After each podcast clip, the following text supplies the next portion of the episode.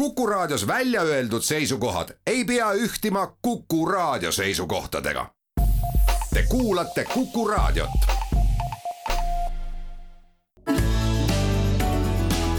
keskpäevatund. kohtasin sind ma üle aastate taas,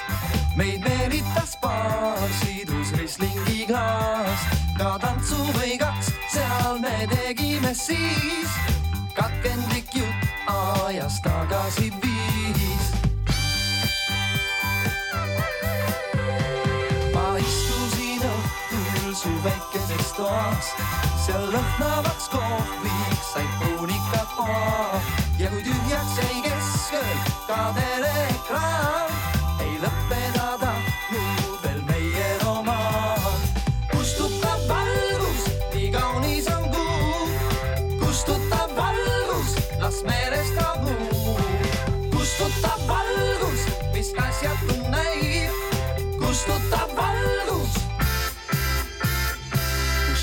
kustutab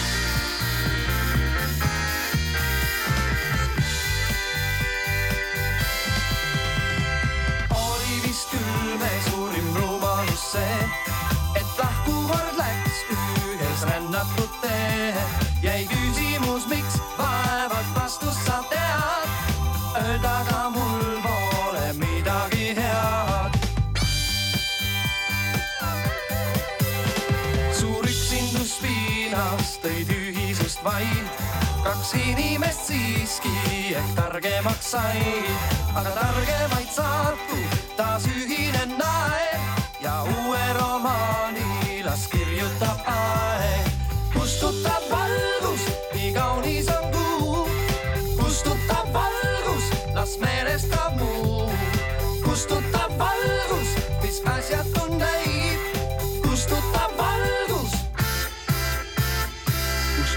valgus.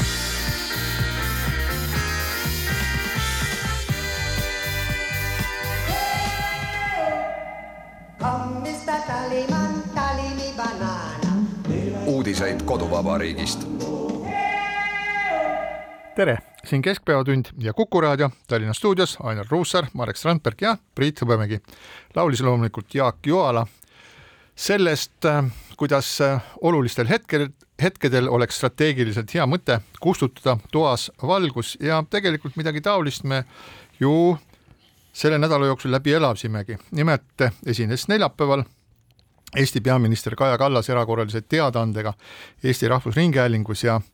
see teade selle kohta, et teade tuleb, tekitas juba rahvas parajat ärevust. aga kui seda teadet kuulama hakati, siis rääkis peaminister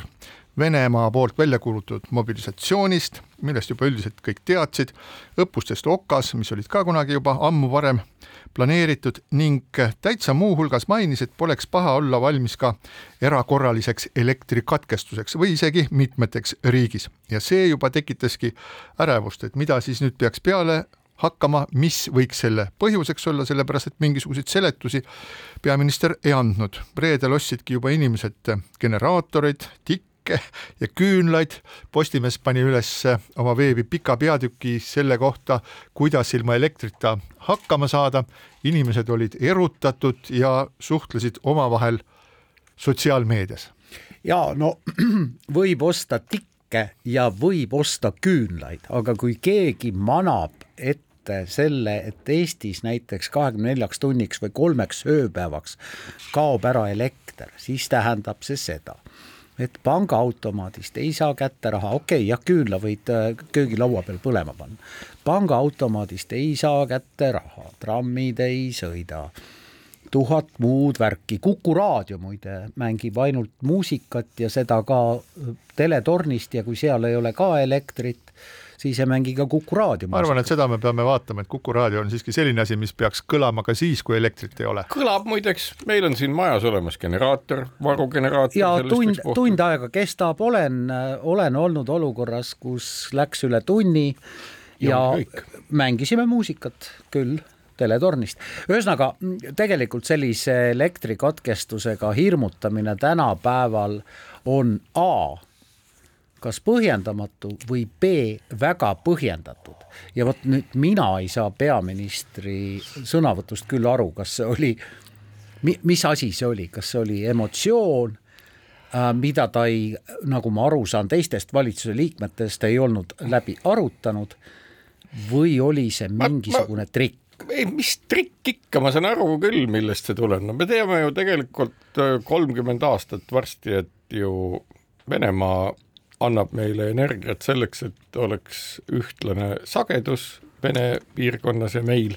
Ühtlane sagedus on vahelduvvooluvõrgus vajalik selleks, noh, kõige lihtsam seletada, et no miks näiteks sõudjad peavad samas rütmis sõudma, et noh, proovige eri rütmis sõuda, te näete, mis juhtub, elektrisüsteem läheb ka tuksi, kui erinevas faasis hakatakse sõudma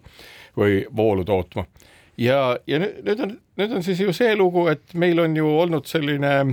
tohutu üleminek Euroopa sagedusele, siis on räägitud, kurat, see on nii kallis, see on nii kulukas, me ei tea, kuidas me ikka läheme, oleme ikka edasi, on erinevad nii-öelda vana aja inimesed ja ka juba uue aja inimesed seda juttu rääkinud.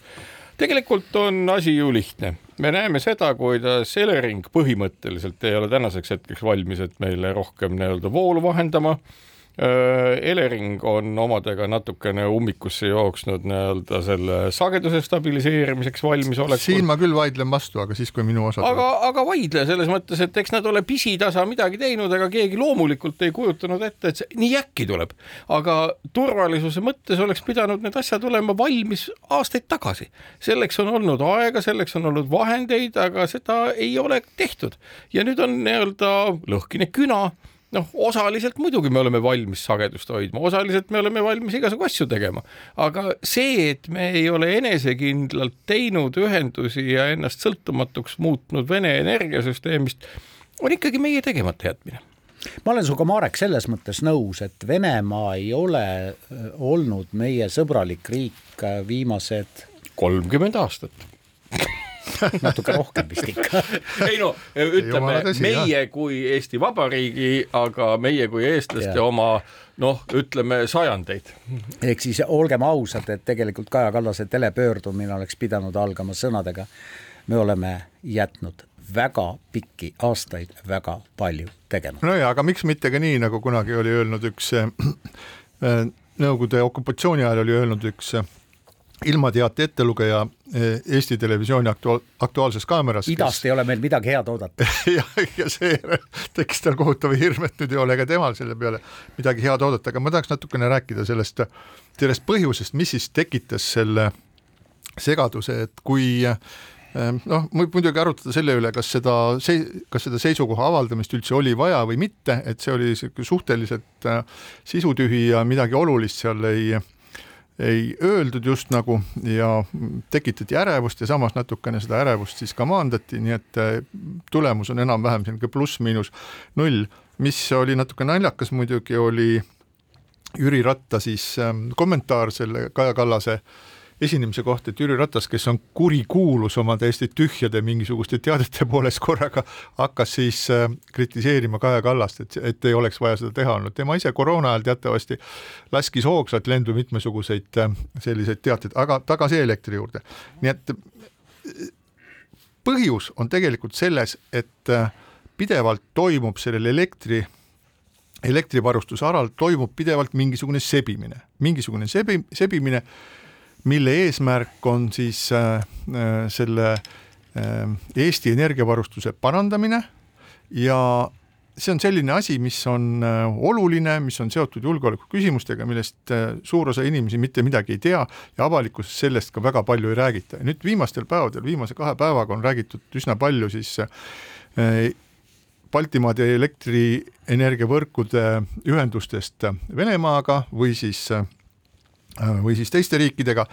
ja on räägitud ka siis sellest sünkroniseerimisest ja mispärast siis on nii oluline see, miks on oluline see, et et kui Eesti kui Venemaa otsustaks Eesti mm, elektrivõrgud enda küljest ära ühendada, et mis siis meil võiks juhtuda. nüüd äh,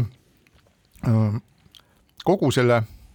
nii-öelda ilma avalike teadeteta katsetatakse aeg-ajalt seda, et kuidas on võimalik siis mitmesugused elektri äh, Äh, elektrivõrgustikke lahti ühendada Venemaa omast ja seda otsustati, see plaan oli ka nüüd äsja hiljuti. Leedu tahtis nii-öelda tekitada enda energiasaart, et vaadata, kuidas nemad saavad ise hakkama ilma teisteta, nad oleksid pidanud lahti ühendama ennast ka Kaliningradist, Kaliningrad oli sellega nõus, see on teatavasti Vene Föderatsiooni selline enklaav seal, siis leedukad otsustasid, nad siiski seda ei tee võib-olla üks põhjus võis olla see, et Eesti ja Läti ütlesid, et ärme tekitame ohtlikku olukorda praegu, et kui me selle tekitame, et me muutume haavatavaks ja haavatavaks muutumise puhul me ei tea, mis, mida Venemaa võib teha. Ja otsustasid siis ära jätta ja Leedu jättis ka ära. ja siis jättis ka Kaliningrad ära selle oma saarestumise, aga see kõik oli teada neljapäeva päeval juba ja peaminister esines siis õhtul, see oli siis, nagu ma aru saan, et see oli ette salvestatud kõne ja tema ei selgitanud siis avalikkusele kogu seda olukorda, et sellised plaanid olid, aga nüüd hetkel seda ei ole. Ja kuna ka Kaliningrad otsustas siis äh, mitte oma saarestumist proovida, siis tegelikult ei ole hetkel mingisuguseid selgelt ettenähtavaid elektrikatkestuste võimalusi, kui noh, ütleme, kui ei kuku asteroid taivast, taevast või midagi muud tõesti hullu ei juhtu, aga see oli midagi sellist, mida Kaja Kallas silmas ei pidanud. nii et selles mõttes see tema jutt sellest elektrist oli täiesti mitte asjakohane, seda ei oleks pidanud rääkima või siis oleks pidanud rääkima kogu tõe, aga tema seda ei teinud. See on Ja, muidugi äh, ka roheline Strandberg muidugi hakkab siin minuga kohe möllama, aga ma tuletan mis ma ikka möllan, ma olen täitsa aga ma tuletan meelde, et meil on äh, põlevkivielektrijaamad ja et äh, põlevkivi on ja elektrijaamad on ja ja ma arvan, et äh, ei juhtu mitte midagi hirmsat ja ma eeldan, et äh, ise elektri tootmise taaskäivitamine mahus, mis toidaks ära kogu Eesti, ei võta aega kolm kuud, kolm nädalat ega ka kolme päeva. siin on muidugi see lugu, et võtab ikka, sellepärast et Eesti Energia on juba teada andnud, et ei, me ju müüsime kõik need kaevandusmasinad maha, kuna niisugust perspektiivi ei olnud, et üldse põlevkivi kunagi vaja võiks minna ja nüüd nad korraldavad hankeid, et uusi osta. ei, loomulikult, ega ma ei ole siis nii roheline, et ütlen, et inimesed peaksid nagu külmima ja nälgima ja ennast ebamugavalt tundma kontekstis, kus lihtsalt energiat ei ole loomulikult ajutise või väga ajutise lahendusena oleks see mõeldav,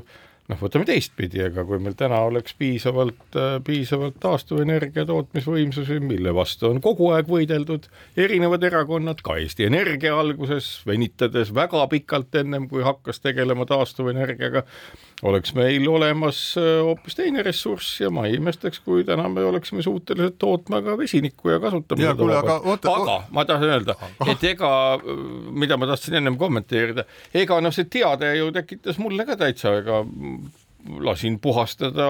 generaatori karburaatori, mis oli mingit tahma täis ja vaatasin, et ta käima läheb ja ja noh, mitte nüüd, et nüüd väga paanikas oleks olnud, aga igal juhul on nüüd üks töötav generaator hoovi peal ja, ja, ja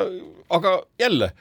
mitmed tunnid nii-öelda raisatud aega, aru ei saa, mille tõttu ja selline nii-öelda rahva nörritamine on ikkagi üsna niisugune tobe värk no ja kõik ei saa generaatori karburaatorit endale osta ja seda puhastada. no see on vana generaator selles mõttes, et hästi hoitud. no vana generaator ikka saab osta iga mees, no aga ja ma, ma arvan, et see elektrienergia kaoga ähvardamine on äh, poliitiline trikk. see on hirmutamine, see on hirmutamine, kui me usume seda, mida kirjutas Mikk Salu tänases Postimehes, kes on teinud seal erakordselt hea ülevaate, mis viis siis selleni,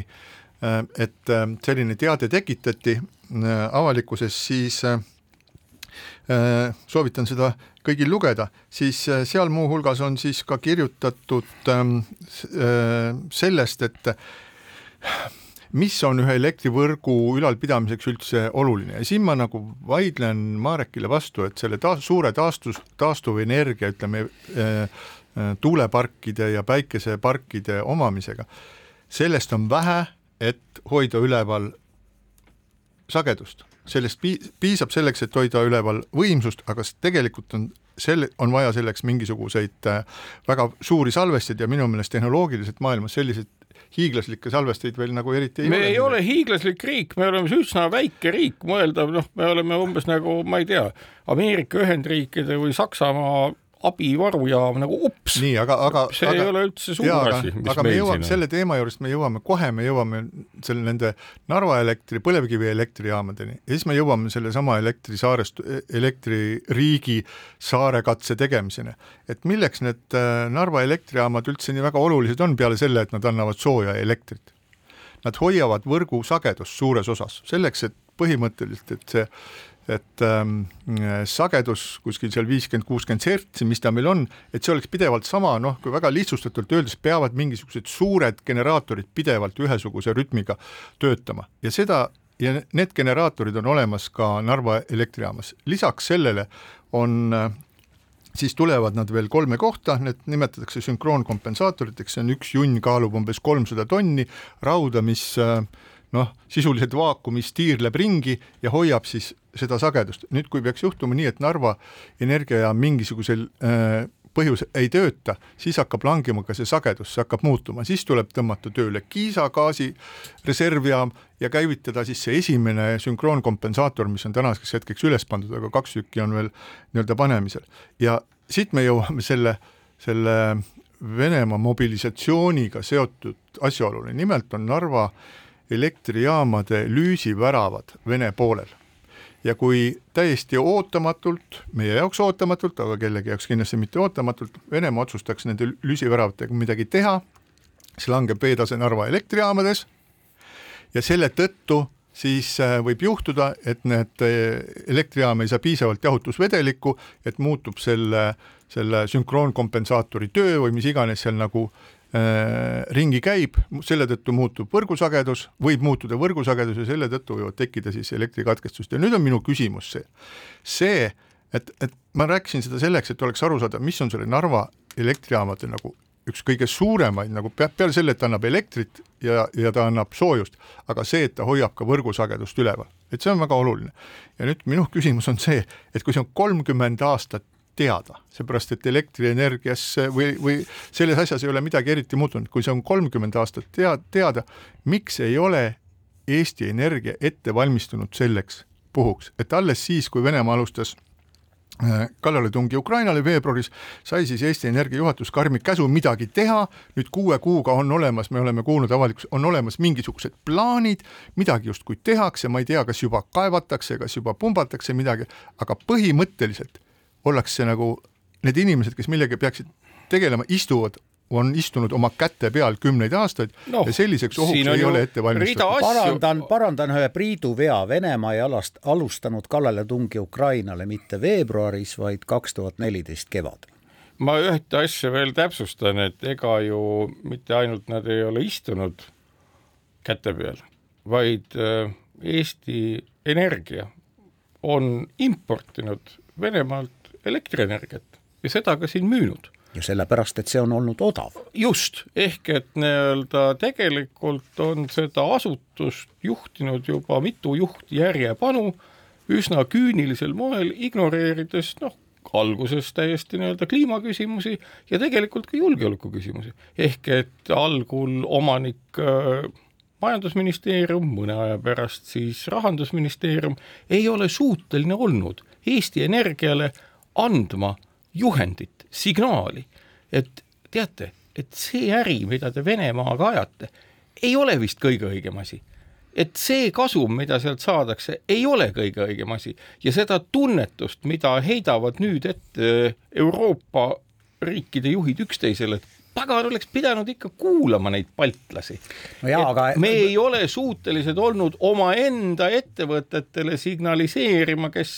või mis on riigi omanduses, et teate, see äri ei ole kõige parem äri. Marek aastal kaks tuhat kakskümmend kaks septembrikuu teises pooles ei ole elekter maailmas otsa lõppenud ja Venemaa ei ole ainus energiatootja ja me ei ostagi Venemaalt energiat, sest tegemist on agressorriigiga, me saame seda ju osta mujalt ja ei, me oleme saanud ja agressorriik on ta olnud, olnud pikka aega, agressorriik on ta olnud ka nendel aegadel, kui Eesti Energia on ajanud tulusat äri Vene elektriga. Ja selles mõttes nagu see, mis nüüd on juhtunud, et nüüd on ühtäkki märgatud, et pagan, et me oleme tegelikult väga pikka aega kogu seda jama ju ajanud,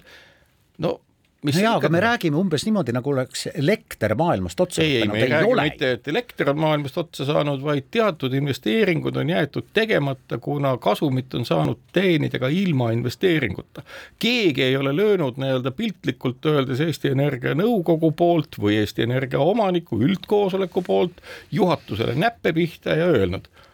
varem siis stopp liive, nüüd stopp,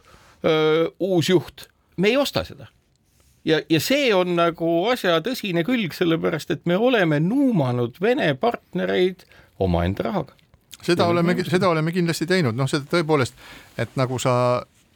Ainar, ütled, et, et Eesti Venemaalt elektrit ei osta, aga elekter liigub üle piiri, kuna me oleme selles äh, Kirde-Venemaa, Kirde-Venemaa energiasüsteemis sees, nii et elekter liigub ja, ja kui sealpool mingisuguseid asju tahetakse teha, et siis need kindlasti meid mingisuguses osas mõjutaksid. Ja ma nüüd selles samas asjas, et, et miks ei ole siis äh, Narva elektrijaamade varustuskindlusega midagi tehtud, ma pean ütlema, et see on midagi taolist, mis lihtsalt käib üle mõistuse, et kui me oleme, meie siin Kuku raadios oleme rääkinud juba kümneid aastaid seda, et äh, julge, et energeetika kuulub julgeolekus väga oluliste osade hulka ja sellega tuleb kogu aeg tegeleda, aga miskipärast nad ei kuula meid. näiteks äh, Eesti Energia üks üldkoosoleku, üldkoosoleku suures või siis äh, nõukogu moodustab suures osas äh, minister ja ministri sõna maksab seal ja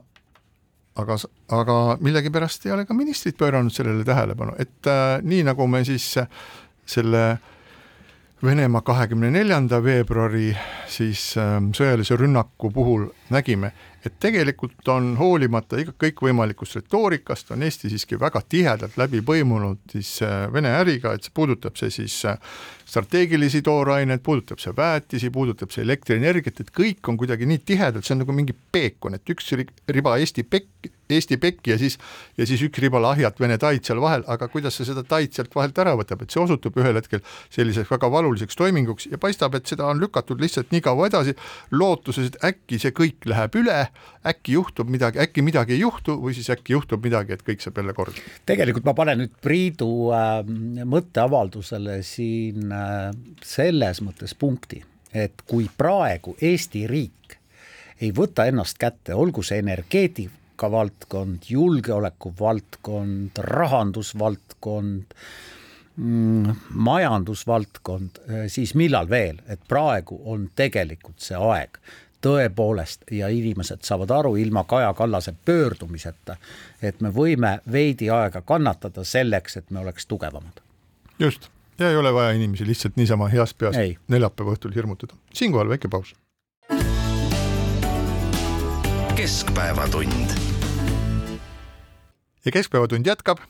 Ainar Ruussaar, Marek Strandberg ja Priit Hõbemägi ja selle eelmise teema jätkuks võiks öelda, et mitte selles nii-öelda võimsuses ei ole küsimus, elektrienergia võimsuses, et meil ei jätkuks seda, vaid tegu on sagedusega ja see ongi see, millega me peame tegelema, et Eesti suudab oma elektrivõrgu sagedust hoida küll, aga see oleks kohe tehes kallis, parem on natukene kauem, kauem sellega tegeleda ja siis saada see sageduse hoidmine juba palju odavamalt kätte, aga on üks asi, millest ei rääkinud meile veel, millest Kaja Kallas oma erakorralises teadaandes ei rääkinud, ta ei rääkinud meile mitte midagi elektriteenuse, elektri universaalteenuse hinnast. Ja kui on üks asi, mida siis Eesti rahvas on oodanud ja oodanud kogu aeg, siis on see nimelt vastus küsimusele, mis saab olema selle uue imelise kõigile taskukohase elektri hind seda enam, et ega Konkurentsiameti uus juht on teatanud, et no see põhimõtteliselt on meile teada, aga me ei saa seda välja öelda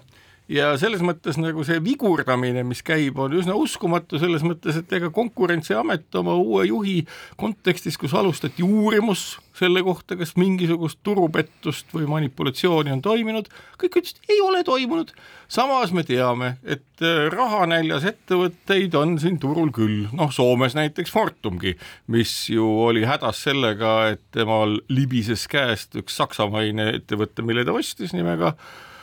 oh, Uniper. Uniper jah, ja selle kahjumit üritas ta kinni maksta ja kuidas, ega elektrit ei saa ju kümme korda rohkem müüa turul, mis on välja kujunenud. järelikult tuleb teha igasuguseid trikke, et hindu tõsta. nii, aga tuleme selle universaalteenuse hinna mida, juurde. mida sa nüüd seletad Ma- meile? sa seletad meile seda, mida maailm tunneb kaks tuhat aastat. tuleb mõelda välja sõnumi täpne tekst ja tuleb mõelda välja see, kes selle sõnumi edastab ja kolmandaks, millal ta seda teeb. aga seda läheme teadmist aga- meil ei ole. Aga tagasi me, olemegi- tagasi universaalteenuse hinna juurde, me see hakkame jälle haakub, see haakub, see haakub sellega. Haagime kiiresti.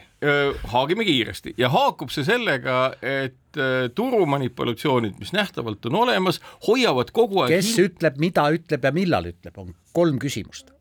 mida me Lähme nüüd tagasi selle universaalteenuse kes hinna juurde, peab aeg ütlema on Konkurentsiamet ja valitsus, milline Strandberg. on universaalteenuse hind ja kui nad seda ei ütle, siis on see eriline tüng ühiskonnale. no aga seadus vist minu meelest ütleb, et selleks on aega kuni äh, kolmekümnenda septembrini, et võib-olla selle ja seda kolmekümnes september on kuupäevaks pandud sellepärast, et alates esimesest oktoobrist peaks olema juba võimalik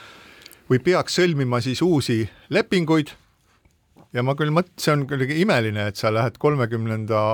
septembri õhtul, hilisõhtul lähed magama, siis kuskil pärast keskööd ilmub taevasse, kirjutatakse tuliste tähtedega uni-, elektri universaalteenuse hind ja siis hommikul ärkad üles ja siis näed, et sulle on saadetud juba meiliga siis äh, uus leping sinu elektrienergia tarnijalt. just, ehk see, mida oleks võinud Kaja Kallas öelda, jättis ta ütlemata ja ütles midagi, mida oleks võinud ütlemata jätta või vähemalt rohkem taustu avada selle juurde. igal juhul, aga läheme nüüd äh, teiste põletavate teemade juurde, mis pole vähem olulised. Ja üks nendest kindlasti on see, et äh, sel nädalal kuulut-, kuulutas äh, Vene Föderatsiooni president Vladimir Putin välja mobilisatsiooni, et äh, pidi esinema selle kõnega juba väljakuulutamise päeva eelsel õhtul, ma arvan, et seal oli väga palju neid inimesi, mina vaatasin parajasti oli sada kuuskümmend kaks tuhat inimest ootas äh, Putini kõnet, mida tol õhtul ei tulnudki, tuli järgmisel hommikul ja seal teatati siis osalisest mobilisatsioonist, mis äh, nagu tavaliselt Venemaa asjade puhul nii on, osutus natukese aja pärast valeks, mitte sellepärast, et mobilisatsiooni ei oleks, mobilisatsioon on, aga see ei ole mingisugune osaline mobilisatsioon, sellepärast et seal tuleb eri, eristada kahte asja. üks oli siis nii-öelda Putini kõne, milles ta rääkis, kelle,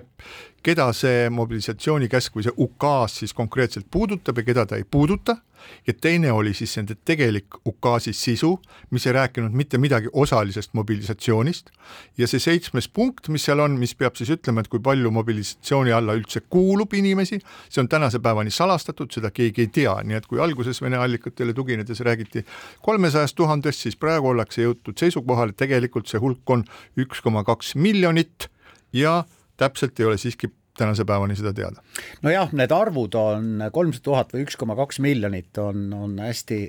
hästi-hästi naljakad, et et paar kõrgemat kaitseväe ohvitseri, kellega ma pärast seda Venemaa mobilisatsiooni kuulutamist suht-, suhtlesin, ütlesid, et see saab ikka olema päris äh, naljakas asi, et olgu neid sada tuhat, kakssada tuhat, kolmsada tuhat või üks koma neli miljonit, mis ei ole, mis ei saa vastata tõele äh,. Peavad nad tagama torud, saapad, vormirõivastuse, kaitsevahendid, kuulivestid ja nii edasi. Ja ma mäletan, mulle, mulle nüüd meenus, kui ma Nõukogude armeesse noorsõdurina aega teenima võeti, siis minu jalanumber on nelikümmend kolm ja kõige väiksem saabas, mida mulle pakuti, kirsasäärik, kandis numbrit äh, kolm, nelikümmend kuus nelikümmend kolm on mu jalanumber, nelikümmend kuus oli kõige väiksem kirsasäärik ja ma jooksin umbes nädal aega igal hommikul kümme minu-, kilomeetrit kolm numbrit suurema saapaga, et et ilmselt on, on sama probleem ees. Ja teine on see, et olgu neid mobiliseerituid sada tuhat, kolmsada tuhat või rohkem, siis äh, selleks, et neid rindele saata, vajavad nad väljaõpet ja isegi Nõukogude armee, enne kui ta saatis oma sõdurid Afganistanis sõtta, õpetas neid välja kolm koma viis, neli kuud reaalselt, ehk siis see ei ole, et täna võtan, homme rindel. no ja no üsna palju on sotsiaalmeedias liigub ja need on jõudnud ka siis äh, peavoolumeediasse väga palju kõikvõimalikke videosid, mis on tehtud siis äh, sellest, kuidas äh, need äh, mobiliseeritud Venemaal, siis küll nad äh, joovad, küll nad kaklevad, küll nad on kuskil purjus peaga magama jäänud, kuskil keegi juba sai infarkti ja suri bussi kõrval maha, nii et et see jätab mulje, et seal toimub üks tohutu segadus ja tõesti täp- ja täpselt niimoodi see toimubki. aga tegelikult on see kogu aeg toimunud niimoodi, et kõik need äh, mobilisatsioonid või siis need sõjaväkke võtmised, mis ka Nõukogude Liidus olid, need algasid täpselt samamoodi, kõik äh, tüübid olid purjus, kõik toimusid mingisugused segadused, kaklused ja nii edasi ja nii edasi, ja siis ühel hetkel nad sattusid mingisuguse regulaarväeossa, kus siis hakati neid äh, nii-öelda äh, julmalt kohtlema ja tõmmati nad äh, liistule, aga need on kaks täiesti erinevat asja minu meelest, et see algus alguseks, et oluline on see, et kuidas see kõik nagu lõpeb. Et see, mida sa märgid, et see on, Ainar, et see on väga õige, et suur osa sellisest äh, õpetamisvõimelisest ohvitserkonnast on tõenäoliselt juba Ukraina sõja ajal maha tapetud, sellepärast et Venemaa ju ka plaanis alguses nii-öelda spetsialistide poolt äh, läbi viidud välksõda ja sinna saadeti väga palju spetsialiste, väga palju õhudessantvägesid ja nii edasi ja nii edasi ja need on siis tänaseks päevaks kõik juba maha löödud, nii et neid inimesi, kes hakkaksid uusi sõdureid välja õpetama, et neid on äh, tõenäoliselt, neid on suhteliselt vähe järelrelvastus, sest suur osa on viidud ka juba Ukrainasse ja varustust, nagu sa ütlesid, jah, vana varustust veel üritatakse osta siit ja sealt üle maailma kokku või mingitest äh, ladudest. Ja selle kvaliteet on tõenäoliselt väga kehv, aga see, aga see ei vähenda kogu selle nagu selle, selle ürituse ohtu, et siiski, kui äh, sellele tuhandekilomeetrisele rindele, mis seal Ukrainas on, lähevad sajad, sajad, sajad, kümme korda sada tuhat meest ja võib-olla veel paarsada tuhat meest, siis see on ikkagi selline sõrmuste isandast tuttav orkide armee, kus lihtsalt seda liha ja verd on seal nii palju, et see võib avaldada mingisugust, et see võib avaldada mõju, kui mitte äh, Venemaa siis äh, pealetungi edendamiseks, siis kindlasti selleks, et ukrainlastel läheb palju-palju raskemaks, siis sellise pidevalt pealevoolava massiga võidelda seal. ja Priit, ma olen sinuga nõus, aga see arvudega manipuleerimine on, on asi, millest meie siin läbi ei hammusta ja mina ei ole suutnud läbi hammustada. enne kahekümne neljandat veebruari oli Venemaa armee ametlik suurus kolmsada kuuskümmend tuhat meest nüüd, kui Putin tegi avalduse viidates siis kaitseministri soovile võtta äh, mm, uuesti teenistusse kolmsada tuhat inimest, me ei tea, mis see arv on mm,, siis äh, kinnitas ta kaks korda muide, et tudengeid ei võeta. üleeile rääkisime oma väga hea sõbraga, kes elab Moskvas, kes ütles, et täiesti uskumatu, Arpati kõrval tänavatel müüakse mida? mida? mida? mida? Üliõpilaspileteid. sealsamas tehakse sinust väike foto, lüüakse väike võltstempel ja saja daala eest saad osta ennast armeest vabaks. tead, mis venelastel on selline ütlus, et kui kellelgi on nagu äh, ma ei hakka, see on vene keeles, see ei kõla hästi, ma ei hakka seda ütlema, et igale kavalusele leidub vastukavalus, see tähendab seda, et äh, kui see tähendab lihtsalt seda, et kui sinna värbamispunkti või sinna mobilisatsioonipunkti saabub siis noormees oma üliõpilaspileti käes ja ütleks, ulatage mulle, ulatage mulle oma üliõpilaspilet, see visatakse kohe laua alla prügikasti, öeldakse, mine järgmisse ruumi, võta püksid jalast ära. just, see on, see on äh, Venemaa puhul teine variant, jah. Ja nii ju lähebki, meie jaoks on muidugi kogu see asi eriti problemaatiline, sellepärast et nii-öelda vastakad hoiakud tekivad ju küsimuses, et äh, kõik need inimesed, kes äh, praegu üritavad üle piiride saada, põhiliselt küll Soomes, lennujaamades ja kuhu iganes pääseda, et äh, Gruusiasse pole mitte kunagi läinud nii palju venelasi just. nagu praegu. me ei tea, kui palju neid sinna sisse saab, aga praegu seal piir on lahti, seal ei ole mingit probleemi. viisaprobleemi ei ole. Gruusia hoiab, viisat ka ei ole vaja, Gruusia hoiab piiri Venemaaga. Türgi samamoodi ja mis tähendabki seda, et ega ju ühtepidi tähendab see seda, et sõdiva riigi kodanikud lähevad teistesse riikidesse noh, eks see ole keeruline probleem, mis teise maailmasõja ajal leidis ka väga erinevaid lahendusi, neid inimesi osaliselt interneeriti Ameerika Ühendriikides ja Suurbritannias, see kõik on hästi keeruline ja me jõuame ise ka samasse seisu, et eh, mida me teeme sõdiva riigi kodanikega, kes on ka siin Eestis. see ei ole lihtne küsimus, see nõuab põhjalikku analüüsi, eh, mitte ainult analüüsi, vaid ka tegutsemist, noh näiteks ütleme niimoodi, et ju reservohvitseride kogu on juba pikemat aega äh, nende eeskõneleja selles küsimuses on olnud vandeadvokaat Kaido Pihlakas,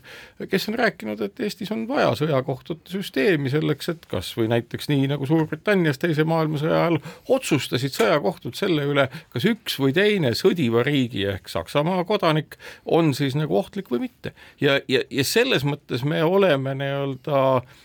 Venemaa või Putini tegevuse tulemus on tegelikult sellisesse nii-öelda otsustamatuse ja probleemide virvarri äh, sisse lükatud, mida me ei oska hetkel isegi lahendada. mina, Marek, usun küll Eesti riiki ja usun sellesse, et kui siin elav Vene kodanik peaks minema Venemaale ja minema Ukraina vastu sõtta, siis see võimekus on Eesti riigil olemas, et tema enam siia tagasi tulla ei saa või kui tagasi tuleb, siis läheb, ma loodan, et kunagi moodustatakse sõjakohus selle mm, kohta, mis toimub Ukrainas, siis läheb selle kohtu alla. see usk on minul küll olemas. no Aga... siin on teine küsimus, et tegelikult ju ega me mingil hetkel ju ei tea, mis on Soome otsus seotult nii-öelda praegu ka Soome piiri taga. on juba otsustatud, Soome on selle oma otsuse teinud, nad äh, viitasid ühele seadusele, tähendab, nende probleem oli siis nagu selles, et et äh, kuna nad peavad äh, lahendama iga viisaküsimust individuaalselt, siis nad nagu ei saa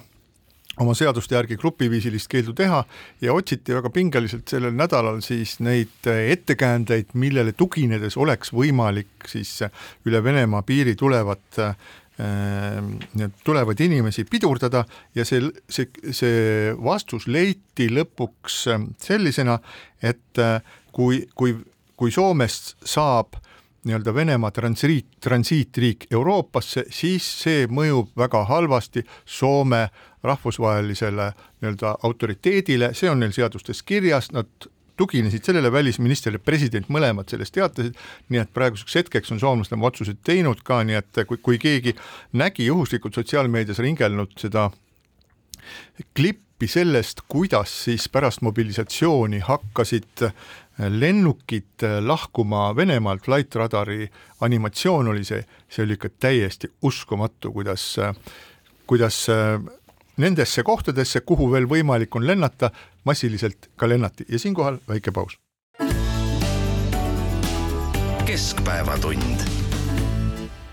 keskpäevatund jätkab, Marek Strandberg, Ainar Ruussaar ja Priit Hõbemägi räägime edasi Eesti-Vene teemadel, sellepärast et millest äh, muust siis inimesed praegu kõige rohkem räägivad ja üks oluline teema, mis on sellel nädalal tähelepanu nii poliitikute kui ka tavaliste inimeste tähelepanu paelunud, on see ettepanek, mis sisaldub seaduseelnõus, mis äh, läbis esimese hääletuse Eesti Vabariigi Riigikogus ja mis räägib sellest, et äh, kolmandate riikide kodanikelt tuleks Eestis ära võtta äh, valimisõigus kohalike omavalitsuste valimistel, et äh, selge on see, et äh, eeskätt on siin silmas peetud siis Vene Föderatsiooni kodanikke, Eestis teatavasti ei tohi olla topeltkodakondsust, aga Eesti Vabariigi kodanikke, vaid vabandust, vaid äh, kuid Vene Föderatsiooni kodanikke on siin siiski tähelepanuväärsel hulgal, samuti on terve hulk selliseid inimesi, kellel tegelikult võib olla nii Vene Föderatsiooni kodakondsus kui Eesti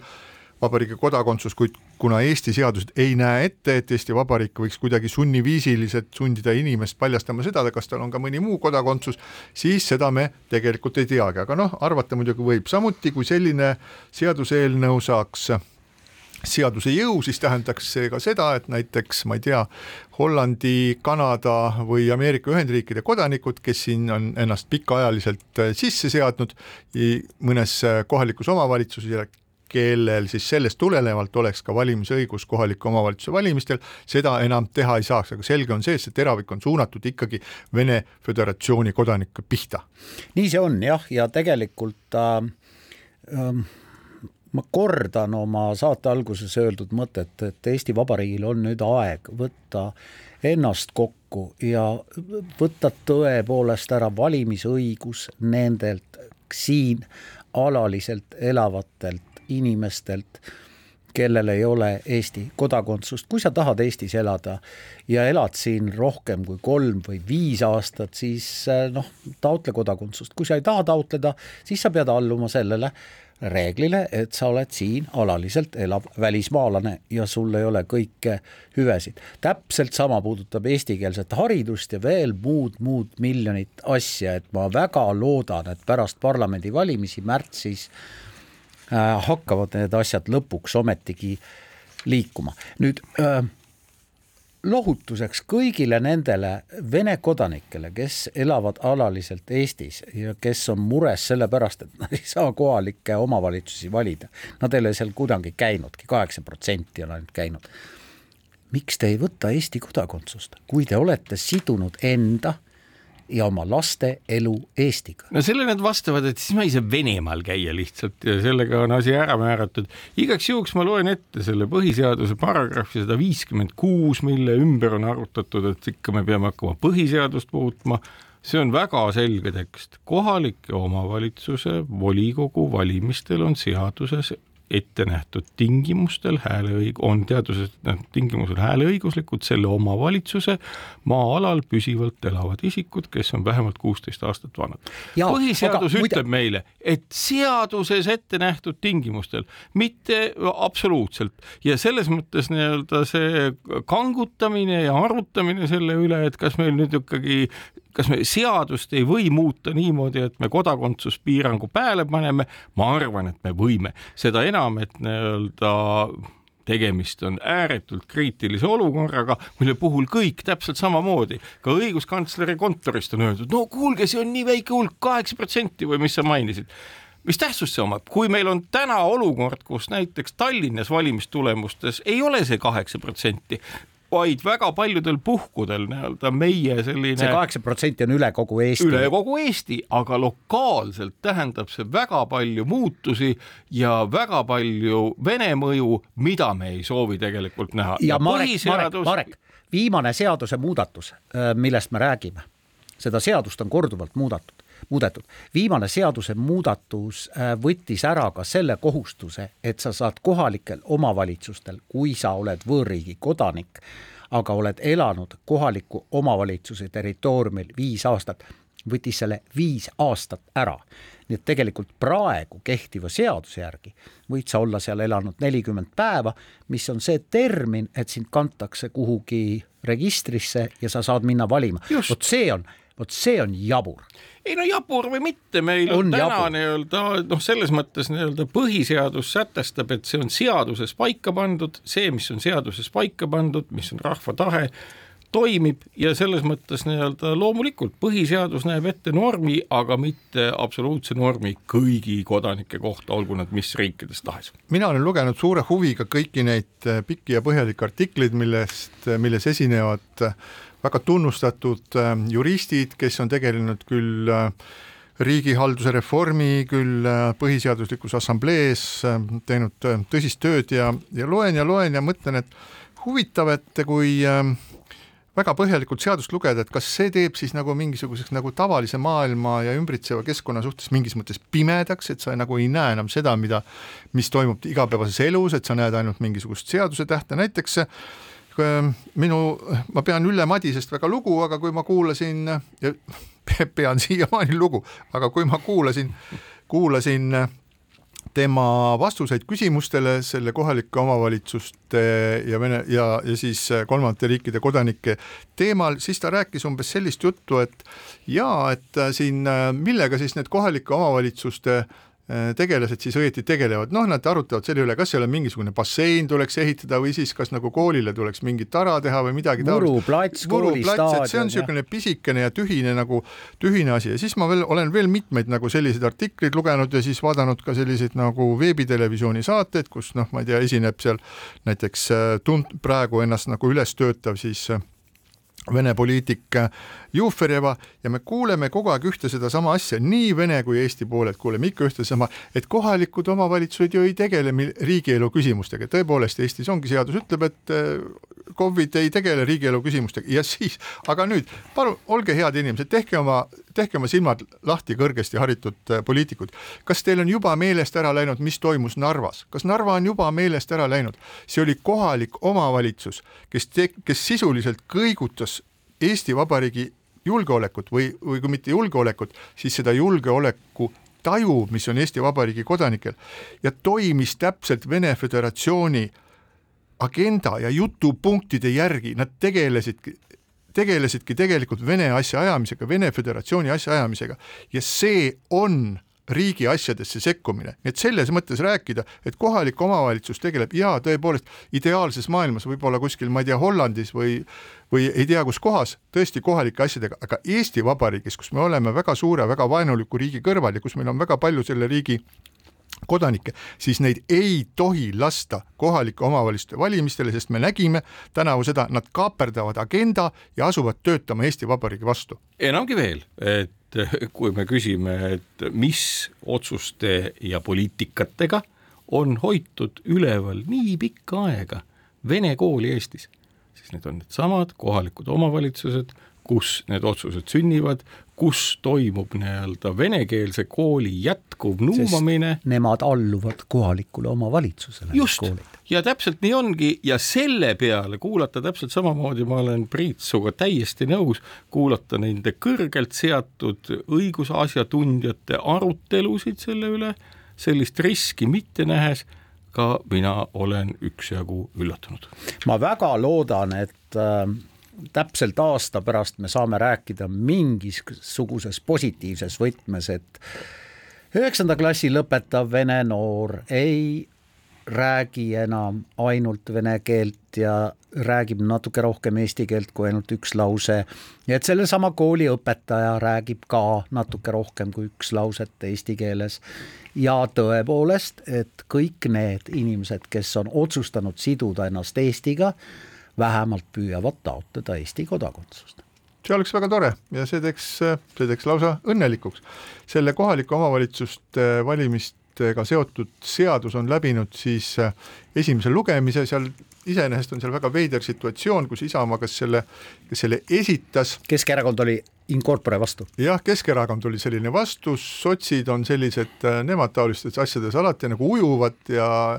ei tea, kuhu poole ennast hoida ja Reformierakond oli selle poolt, et siis äh, viia esimesele lugemisele, aga see, mida siis nagu oodata võib praeguse seisuga, et see äh, seaduseelnõu läbis esimese lugemise, aga läheb nüüd nii-öelda jää peale või siis riiulisse või see pannakse kuskile nii-öelda sahtlisse oma aega ootama, aga õnneks on see, et järgmise aasta märtsis toimuvad meil mitte kohalike omavalitsuste valimised, nendeni on veel päris tükk aega aega, vaid toimuvad ju äh, riigikogu valimised, nii et ka nii sellel kui ka järgmisel riigikogu koosseisul on aega selle küsimusega tegeleda ja eks me selle aja jooksul ka näeme, kuidas siis, mis on saanud siis Venemaa vallutussõjast Ukrainas. ja siinkohal täname teid kõiki kuulamast ja kohtume taas nädala pärast, kõike head. keskpäevatund